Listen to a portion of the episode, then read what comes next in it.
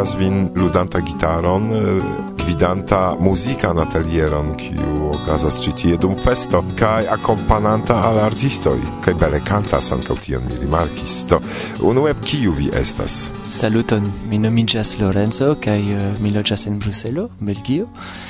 Esperantigis de kelkaj jaroj eh, kaj uh, unua renkontiĝo estis en Toulouse dum festo 2010 kaj iom post iom mi pli kaj pli eh, uh, interesiĝis pri eh, Esperanto kaj uh, eh, pri la movado simple.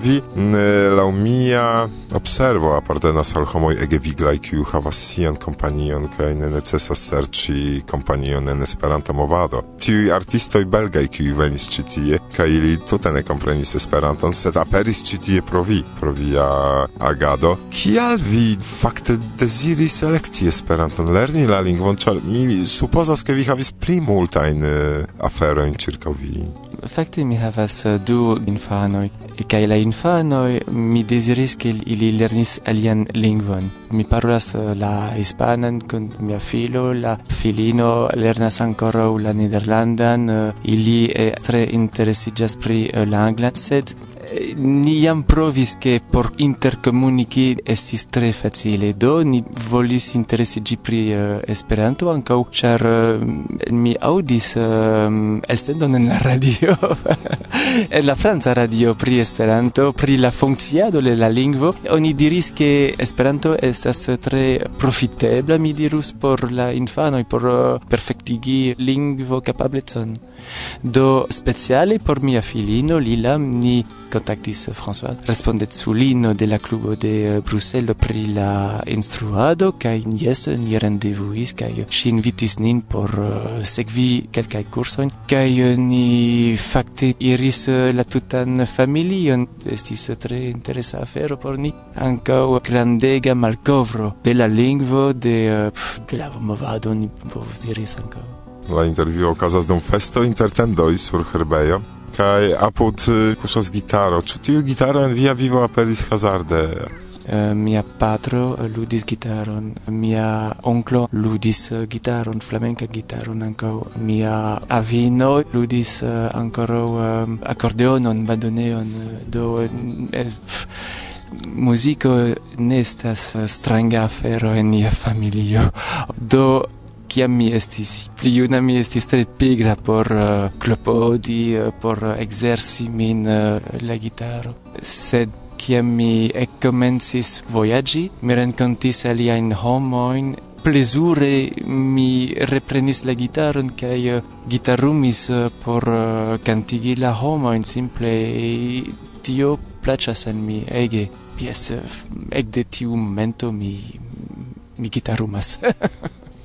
Dum la raporto pri festo ni renkontigis, fakte Alecio intervjuis vin pri la organizaj aferoj, mi memoras, sed mi vidas vin ĉi tie ne nur organizanto. Vi ankaŭ gvidas tre bravan muzikan atelieron, al kiu alvenis multe da homoj kaj kantas kune kun vi. Eĉ hieraŭ dum la internacia vespero aperis ŝatantoj de tiu ĉi muzika ateliero kaj prezentigis sur sceneje. Simple antaŭ veni ĉi tie mi printis quelcain uh, cantaroin por uh, quidi eh, uh, cantatelieron ĉu ne?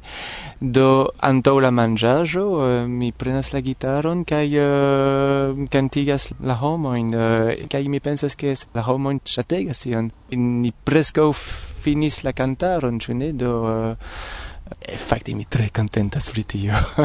tio aspektas tiel, eh, sidas nia kara intervjuanto kun gitaro, circa li la fideluloj, kiu ciam partoprenas la atelieron, do temas pri ses, sep, ok personoi, kai poste hazarde alijas aliai kiu trapasas, eh, audante ke ili kantas aligas al la rondo, kaj finfine Lorenzo malaperas, ĉar estas tie multe da homoj kiuj kantas kune kun li, ke ateliero anstataŭ horon daŭras du aŭ tri horoj eĉ.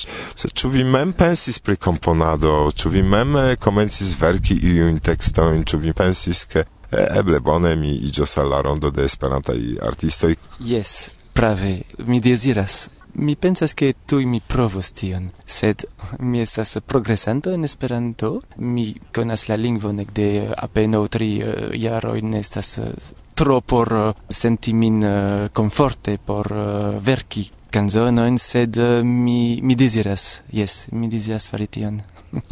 pri kio vi revas kio okazu kun Esperanto morgaŭ, posmorgaŭ, post du jaroj, post cent jaroj?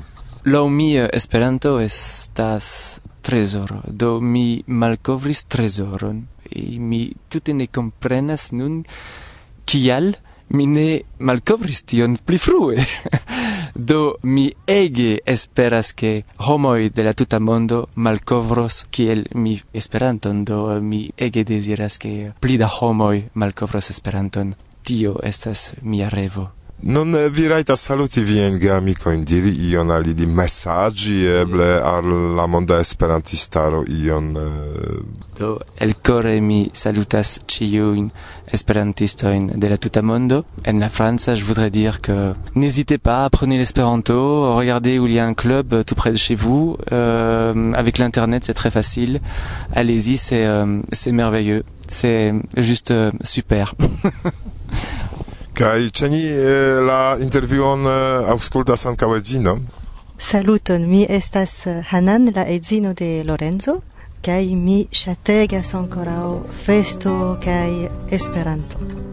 Vidu kiel en charma kampanio mi sidas ĉi tie sur herbejo. Koran dankon pro la intervjuo. Plezure kinde. Kiu montris la vojon for, kiu montris la vojon for, tiu vojon posaltome Kiu montris la vojon for? Kiu montris la vojon for? Tiu vojon posaltome Saudat,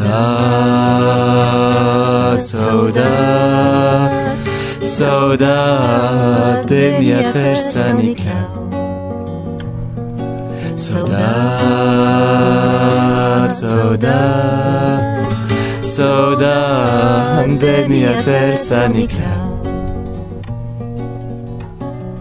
Se vi scribas min, mi scribos vin. Se vi lasas min, mi lasos vin. Cis la tago vi revonos Se vi scribas min, mi scribos vin. Se vi lasas min, mi lasos vin. Cis la tago vi revenos Saudade, saudade, saudade de minha terça Nicolau. Saudade, saudade, saudade de minha terça Nicolau. Kiu montris la vojon vor, kiu montris la vojon tu tiu vojon posatome. Kiu montris la vojon for, kiu montris la vojon for, tiu vojon posatomi.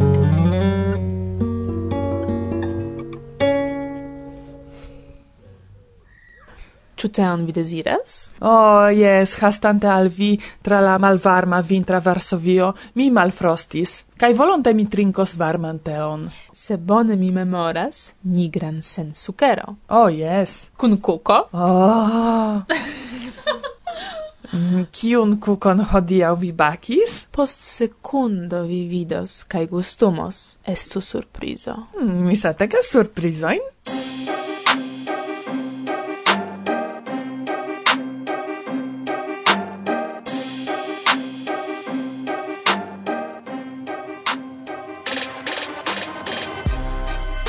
mm, bon gusta dankon. Neden kinde Gonia, neden kinde. Varma teo kaj kuko plej bonas por Polanda vintro. Mmm, bon gusta czekolada kuko. Mm. Kun prunoj, sed rigardu me kie okazas mal antaŭ fenestro. Mm, vintro venis.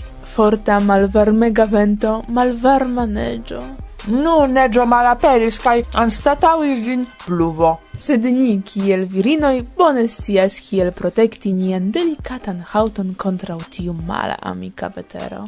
Kompreneble. Mm. Bongusta kuko estis. Do kion vi, Martusiu, uzas por tiel bele aspekti? Ah, oh, dankon. Se mi devas malkaŝi mian sekreton, mi povas diri, ke por mia delikata blanka haŭto plej bonas intensiva hidrato. Do kiel aspektas via kutima decembra tago? No. Frue matene mi precize purigas mian haŭton. Ĉu sen ŝeligado? Ne, ne, ne. Matene mi ne havas tro da tempo. Vespere mi faras senŝeligan procedon. Mi esperas ke ne ĉiutage. Kompreneble ne, sed vintre pli ofte kelkfoje dum semajno. Bone, do kio post matena purigado de haŭto? Kompreneble hidratumado. Mi uzas bonkvalitan kremon kaj mi lubrikas mian haŭton. Mi ne forgesas pri lipoj. O oh, jes, dum vintro sen hidratumado miaj lipoj malbone sentus. Ili sekiĝus, ĉar ne havas lipidan protekton. Praveme, sed samon okazas kun manoj. Ili estas delikata parto de niaj korpoj, kaj ni ne forgesu ankaŭ pri ilia protektado per palsamoj kaj kremoj. Ne forgesu ni pri vespero kun kosmetikaj maskoj. Dum malvarma vintro plej bone por nia haŭto agas plen vitaminaj maskoj. Se vi ne scias kiel ilin fari mem, simple aĉetu. En ĉiuj kosmetikvendejoj vi trovos ilin. Kaj memoru, ke vitaminoj A kaj E dum vintro estas plej gravaj. Ne forgesu ankaŭ varme vesti sin. Se iu de vi demandus nin kial ni tiom zorgas pri haŭto, respondo simplas. Ni prepariĝas por novjara balo. Oh, simple.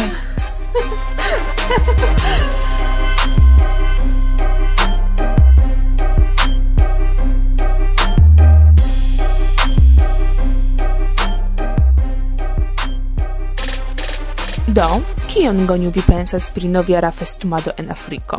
Mm, tie estos certe varme, Kio okazos en Afriko? Inter la dudek oka de decembro kaj kvara de januaro okazos kvina Afrika kongreso en Kotonuo. Kongreso kun ampleksa programo por kunigi esperantistoj el la tuta Afriko, por ke ili amuziĝu, laboru kaj interkompreniĝu uzante Esperanton. Do ĉu ni povus ĝin partopreni? Se vi volas tion ekscii, skribu al Afrika Komisiono de UEA.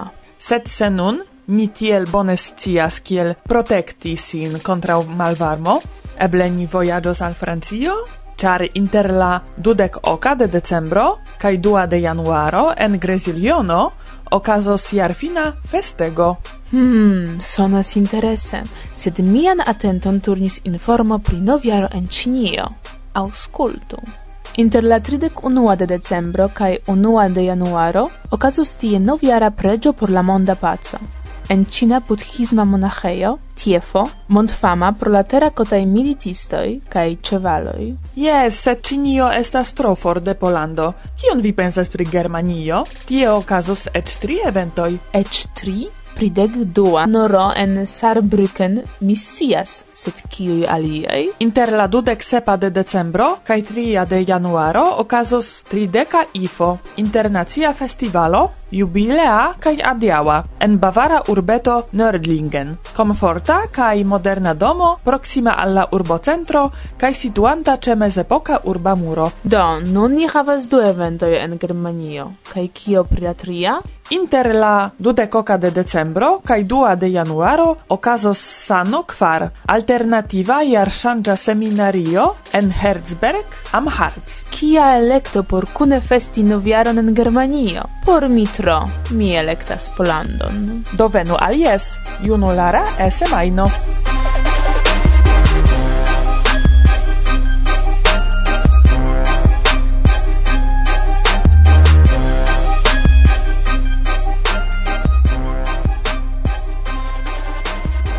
Mangiante czokoladan kukon, bonain consiloin por vintra vetero, Kaj elekton el inter la noviaraj eventoj prezentis al vi, gorzka, kaj mi, Martusia. mi triope mangis.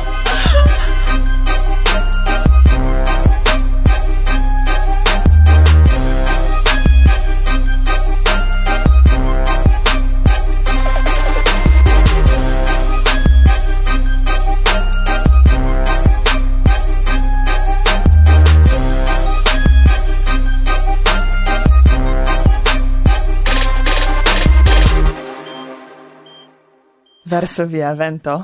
Anto mikrofono mi havas sekvan brazilanon kiu vizitis nian provizoran studion de Varsovia vento. Saluton. Saluton, mi estas Tecio el Brazilo. En kiu urbo vi loĝas? Porta Alegro en suda regiono de Brazilo. Bela urbo, ĉe maro, estas multe da esperantistoj tie. Ĉe maro ne, sed estas kelkaj esperantistoj. Nuntempe la movado iom malplivigliĝis, Sed tamen nun tempe ni denove comenzas ellabori quelcain eh, rimedoin cae manieroin pli vigligi nian movadon rea foie.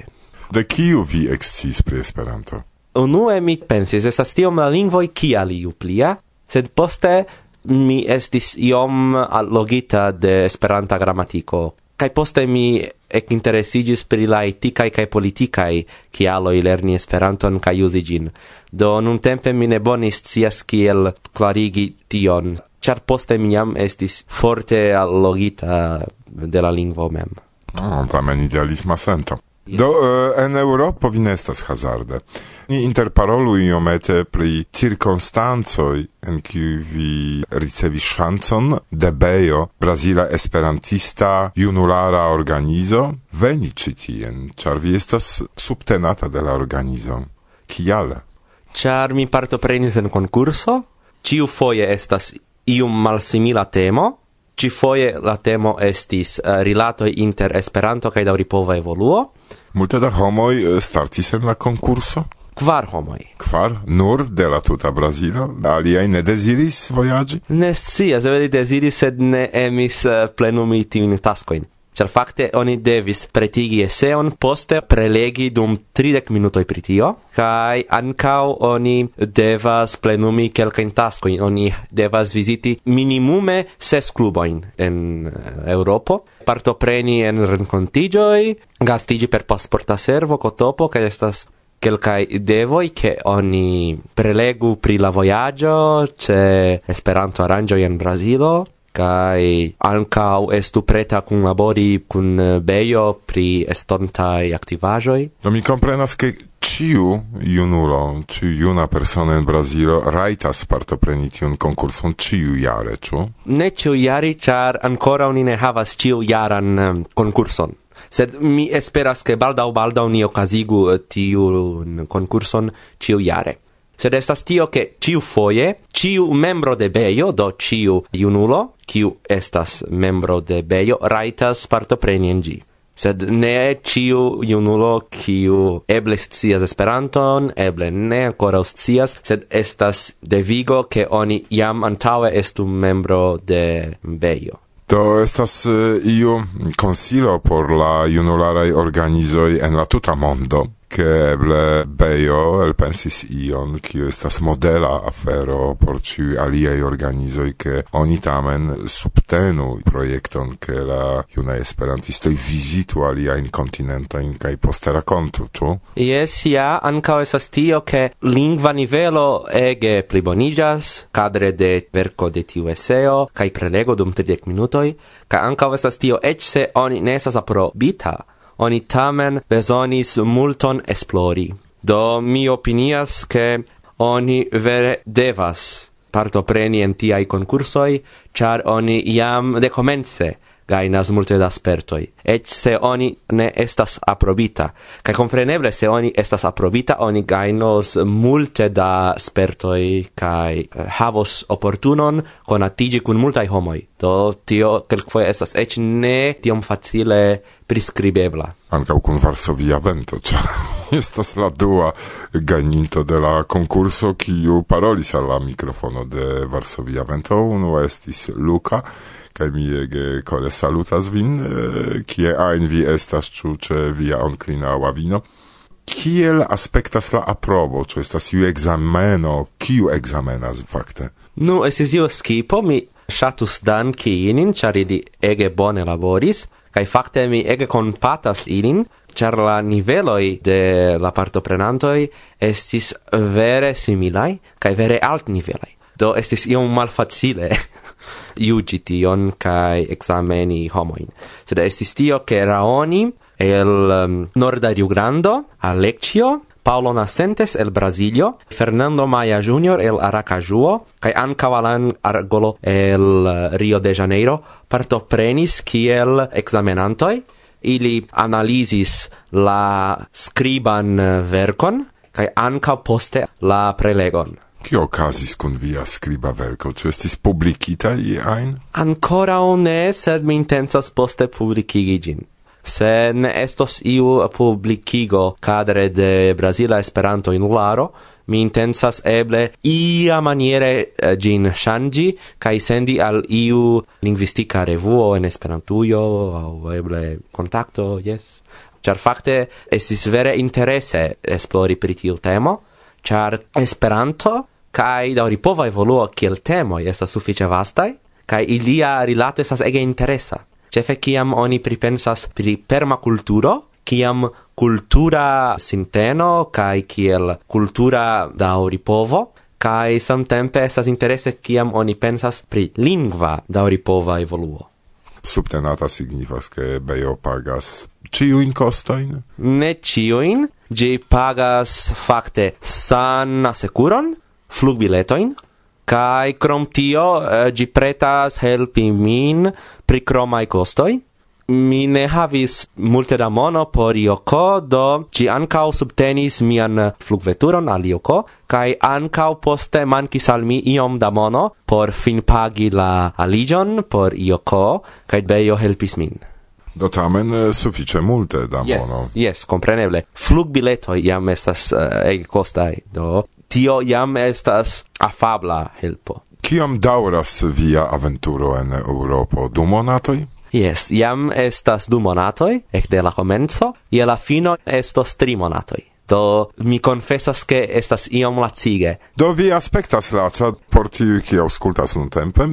Tacio ciam venis al Varsovio, la unuan tagon eh, mi rekomendis al li viziti la tombon eh, de Zamenhof kaj urbocentron, malovan urbon, kaj tacio diris yes, kaj tutan tantagon. Do tio atestas fakte Tio signifas voyagi de heimo al heimo, babili kun multa esperantistoj en la tuta Europa, Estas laciga afero, ĉu?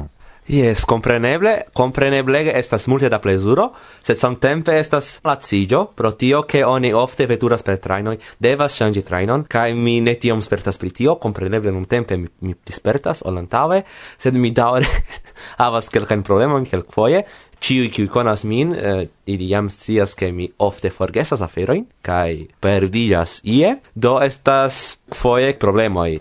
do vi raitas nun tempe diri ion eh, device Varsovia vento. Mi shatus uh, eh, speciale danki ciuin, ancau la examenantoin, kai Lars eh, el Germanio, kiu eh, estas respondeculo ĉe gea pri romplej vojaĝoj kai kore afable helpas kai helpis min plani la voyagion, Cefe rilate Germanion, kai rilate Germanion eh, tiu voyage plano esis ege elstare brila.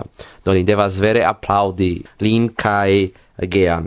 Eh, cetere mi shatus ancao danki ciuin gastigantoin gis nun, ancao vin kiel lastan gastiganton, kai cetere mi shatus ancao danki miain gastigantoin el Krakovo, kai al Tomek, kai al Piotr Holda, pro ilia afablo, Do dankon kai mi desiras al vi bonan vojaĝon kai kolekton de pli interesaj ol nur frumatenaj spertoj ĉe stacidomo dum daŭro de via vojaĝo. Dankon, Tetŝi ne dankinde. Facilas, kiel Scheherazad rakonti fabloj Malfacilas contra kontraŭ vento de sabloj Facilas ne vidi kaj kun aĉuloj kunlabori Malfacilas politike contra stari. Facilas ĉe armeo pafi iun per kuglo. Malfacilas trakti malamikon kun indulgo.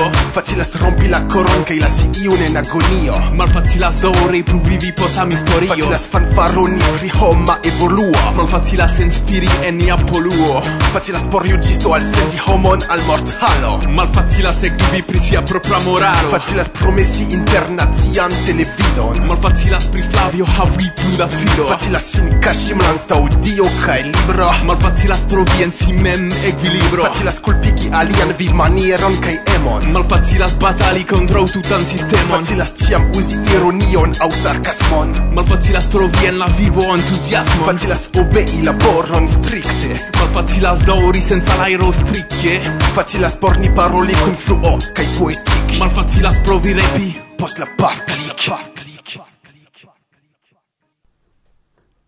Mia penso. Sur la campo for del mondo Anta un nocto del somero Amichino en la rondo.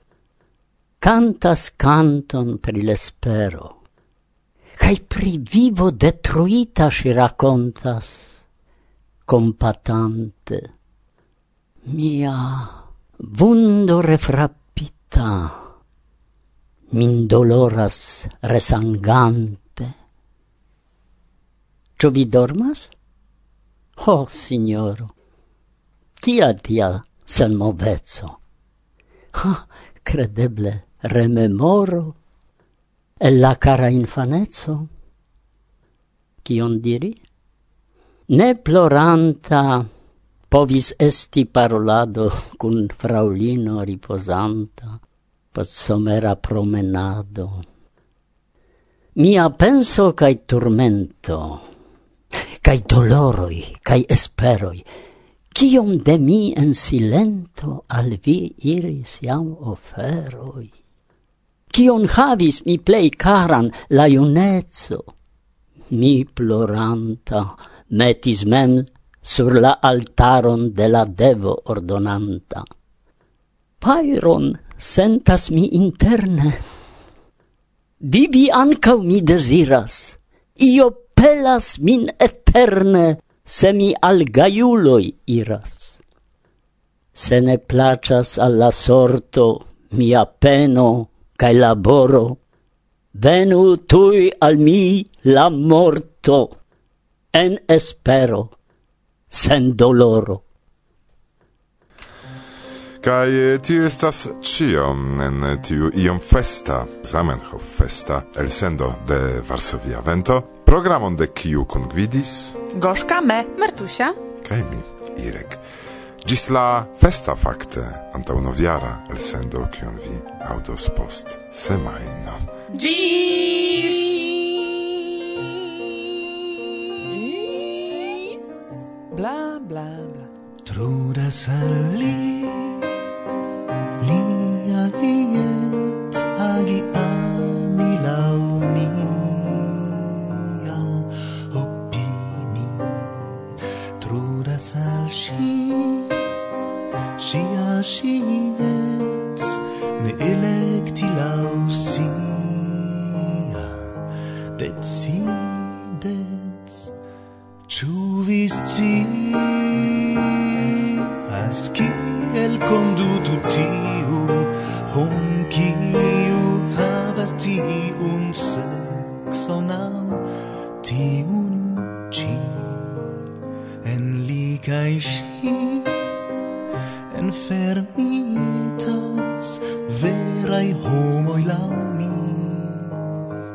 fermitas. Sed ri liberas sen catenas kai raitas esti simen. Liberi amas kai ne zorgas ĉu au malsam sexem. Libere donas kai acceptas kai ne genas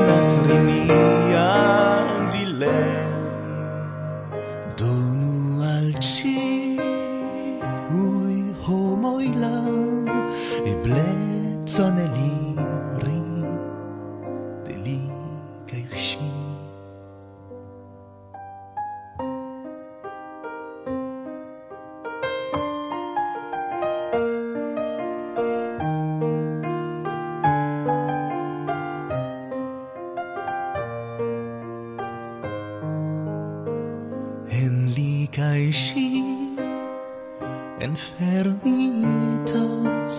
verai homoi laumi enfermitas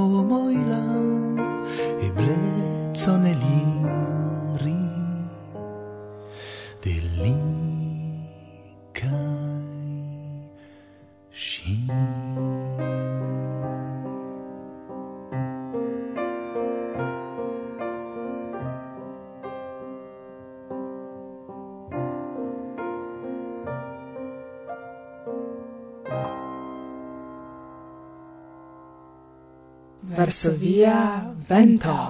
Bla bla bla.